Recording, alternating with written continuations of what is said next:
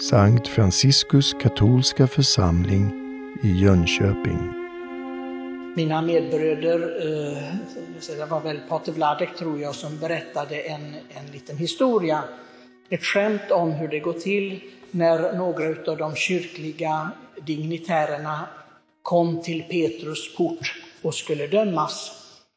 Och eh, det kom den ena efter den andra och eh, de kommer ut lite slokörade och säger jag har fått 50 år i skärselden, den andra hade fått 100 år i skärselden. Och så var det dags för påve Benedikt. Han skulle in då han avslutat sitt liv och det tar lång stund. Ingenting händer och alla undrar vem är som händer där inne. Och ut kommer aposteln Petrus istället och säger, ja, påve Benedikt har sagt till mig att jag ska skriva om mina brev. Så det finns olika uppfattningar om vem det är som bestämmer där i himlen.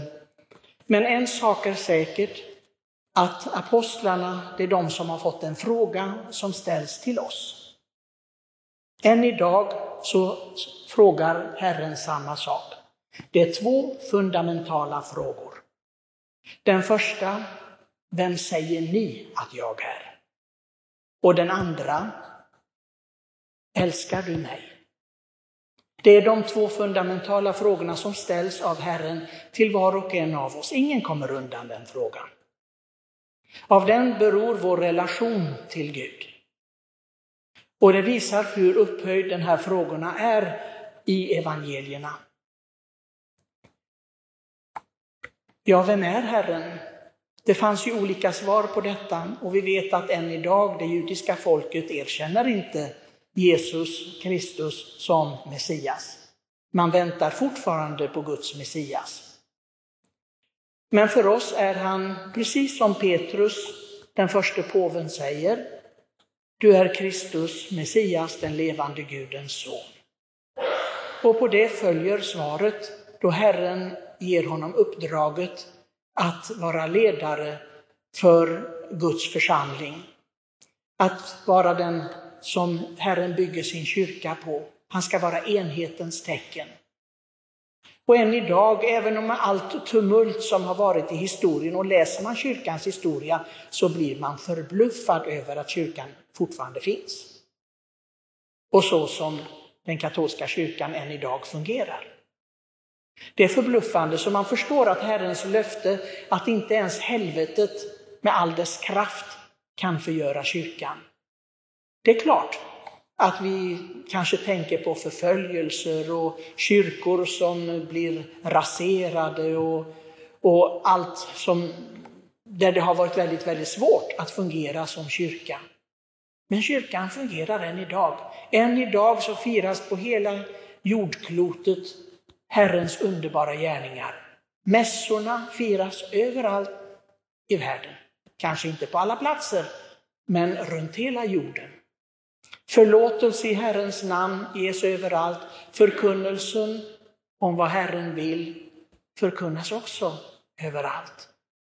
Kyrkan lever. Kallelser finns fortfarande till prästämbetet, till det gudsvigda livet, till ett familjeliv där människor bygger sina liv på Kristus. Än idag.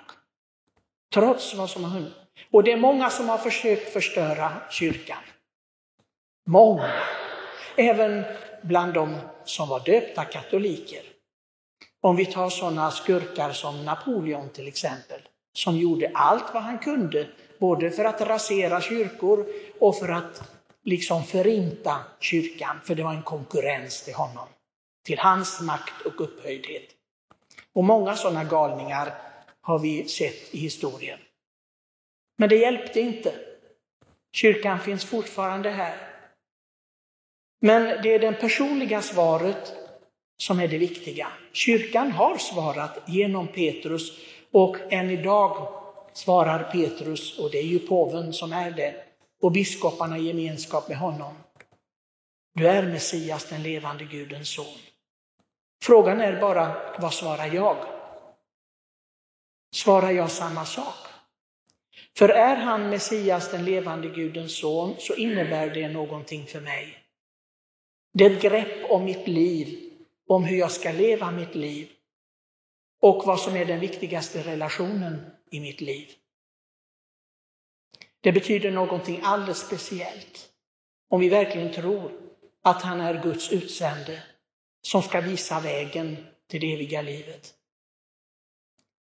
Den andra frågan, inte mindre viktig. Vi vet att Petrus fick lite svårigheter med den här frågan. Han, han, han var generad helt enkelt. När Jesus direkt använde det starkaste ordet, älskar du mig? Ni kommer ihåg att Petrus svarar inte med samma styrka. Han säger, jag har dig kär. Det är ungefär som man säger att jag har min farmor kär eller jag har tant eller vem det nu kan vara kär. Jag säger inte kanske att jag eh, älskar andra om det inte är någon speciell relation, kärleksrelation till den personen. Men Jesus använder det starkaste ordet. Älskar du mig? Involverar din kärlek till mig hela din person? Och Petrus säger, jag har dig kär, men Jesus ger sig inte. Han frågar igen. Tre gånger får han höra det. Och ni kommer ihåg att Petrus blir bedrövad. För att han frågar tre gånger, för att Jesus nästan tvivlar på honom. Eller är det kanske för att Petrus ska få upp ögonen för den här viktiga frågan, att det är det fundamentala. För har du en kärleksfull relation till mig, ja, vad gör du då? Vad händer då i ditt liv? Vad är det som ditt hjärta är uppfyllt av? Vem? Och Herren ville ha en odelad kärlek av Petrus, av kyrkan. För Petrus här står för att representera hela kyrkan. Han var ingen privatperson längre. Och han hade nog förstått detta. Han skulle representera hela gemenskapen, för Jesus gick inte omkring och frågade var och en av apostlarna, eller lärjungarna som var med. Utan det var bara Petrus som fick den här frågan. Älskar du mig? För den frågan var fundamental och ligger till grunden för vår relation till Gud. Vi har bekänt, vi bekänner att han är Guds son. Det är han som har makten över levande och döda. Det är han som ska döma oss en dag. Men vad har jag för relation till honom? Är jag på distans eller är jag verkligen nära? Och det är bara jag som kan bestämma det.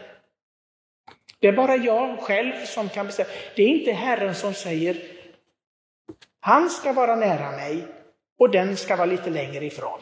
Det, det är inte så det går till.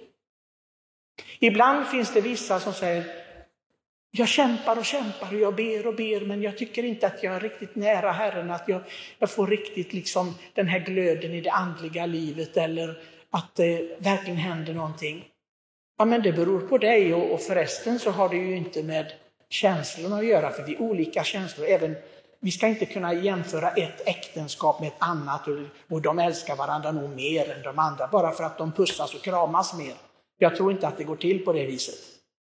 Utan det handlar om någonting helt, det handlar om enheten, intentionsenheten. När man vill samma sak, när man ser åt samma håll. Det är kärlek. Ser vi åt samma håll som Herren? Ser vi på att bygga upp Guds rike? Och det är det som Herren frågar Petrus. Vill du samma sak som jag? Vill du samma sak som jag? Det är den kärleken Herren frågar efter. Eller är det någonting som konkurrerar där? Har du andra, en annan agenda i ditt liv? Är det något annat du söker? Vi vet att Herren avslöjade apostlarna med att de sökte vem som var främst, vem som var viktigast. En annan agenda, inte den som Herren hade. Han säger, ni är alla likadana. Ni, det är ingen som, som är för mer än någon annan. Herren satte dem på plats. Men han förstod det, så därför dessa frågor var så viktiga att få fram för att de själva skulle klura ut vad är, det, vad är det som är viktigt för mig? Hur ställer jag mig till den frågan?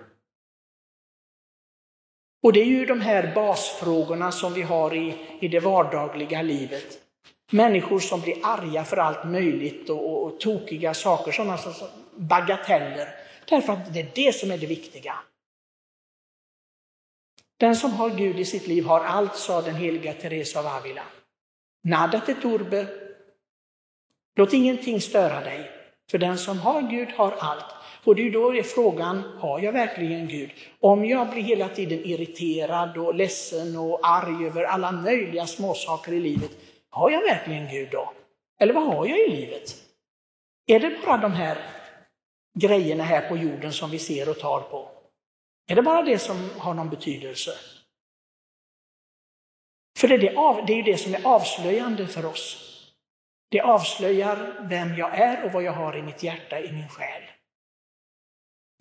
Och jag tror att vi, vi ska vara ganska så aktiva på den punkten att, att förstå det. Jag känner en, en medbroder, inte här i vårt kloster, men han tar hela tiden feber, mäter hela tiden om han har feber. Han tror hela tiden att han har feber. Han är sjuk, han är sjuk, han är sjuk. Och när det gäller sånt, då tycker man det är löjligt. Men en medbroder sa till honom en gång, du kanske ska ta din andliga feber lite mer. Mät din andliga feber lite mer får du se. För jag tror att där, där är det ganska så låg temperatur. Du kanske behöver lite mer värme i ditt liv. För det enda som, som du tycks bry dig om, ja, i det här fallet är ju dig själv, hur du mår. Och det kan ju vara så att vi behöver ta de här frågorna på allvar i vårt andliga liv. Jag säger ofta det att ställ dig de här två frågorna. Då tar du temperaturen hur ditt andliga liv är. Vem säger du att jag är? Vem är jag för dig? Och älskar du mig? Och vi vet att kärleken till Gud, den är mycket, mycket konkret. Det är att hålla hans bud. Herren säger det. Det, det är väldigt, väldigt enkelt. Och det har ingenting med känslosvall när vi ber eller så att göra. Ingenting, ingenting. Det finns många som har mycket känslor, men de har ingen kärlek till Gud. Men gråter gör de när de ber och när de sjunger och grejer. Men älskar Gud gör de inte alls. Men vi ber om detta, att vi får den här nåden genom apostlafurstarna Petrus och Paulus förbön. Hjälp oss att besvara frågan, att ha klart för oss vem Jesus är. Att vi har klart för oss också om vi har kärlek till honom eller inte. Och då kanske vi kan säga med den helige Paulus, så han säger så underbart, för mig är livet Kristus.